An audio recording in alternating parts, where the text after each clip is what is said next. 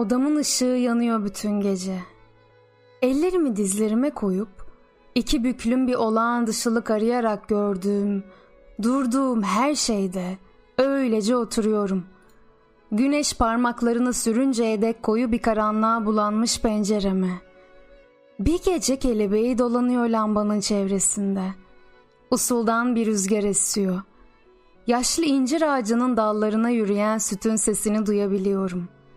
Deniz az uzakta, iç geçiriyor boyuna. Seninle konuşurduk baba. Böyle gecelerde iki bilge gibi karşılıklı bakışarak bazı şeyleri kavrayamasam da dinlerdim. Belki sen de yeni bir şeyler bulurdun geçmişte. O dupduru yüreğini yılların unutulmuş sularına bırakarak. İşte bir minder daha koydum yanıma. Henüz sıcak. Sanki yeni kalkmışsın üstünden. Terliklerin şuracıkta. Getireyim. Çayı da ocağa koyalım istersen. Annemse haber bekliyor ruhlardan. Ama bir insanı yüreğinde duymak için araya bazı kurallar koymaya ne gerek var? Ağır aksak adımlarla yürüyen gece bana bir şeyler anımsatıyor. Boynu uykudan ara sıra düşerek pencerenin kanatlarına yaslanmış bir anne. Karanlık bir yolda kocasının ayak seslerini arıyor. Sessizliğin sığınaklarına gömülmüş evlerde yanan tek tük ışıklar var. O daracık sokakların ardında bir vukuat yok.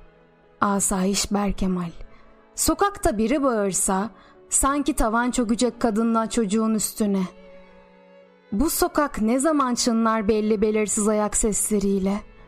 Bu kapı ne zaman çalınır? Çocuk ne zaman sıçrar?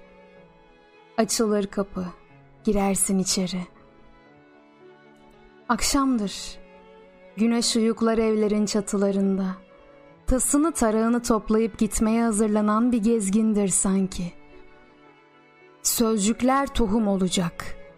Çiçekler fışkıracak topraktan. Sevgilerin dal olacak.''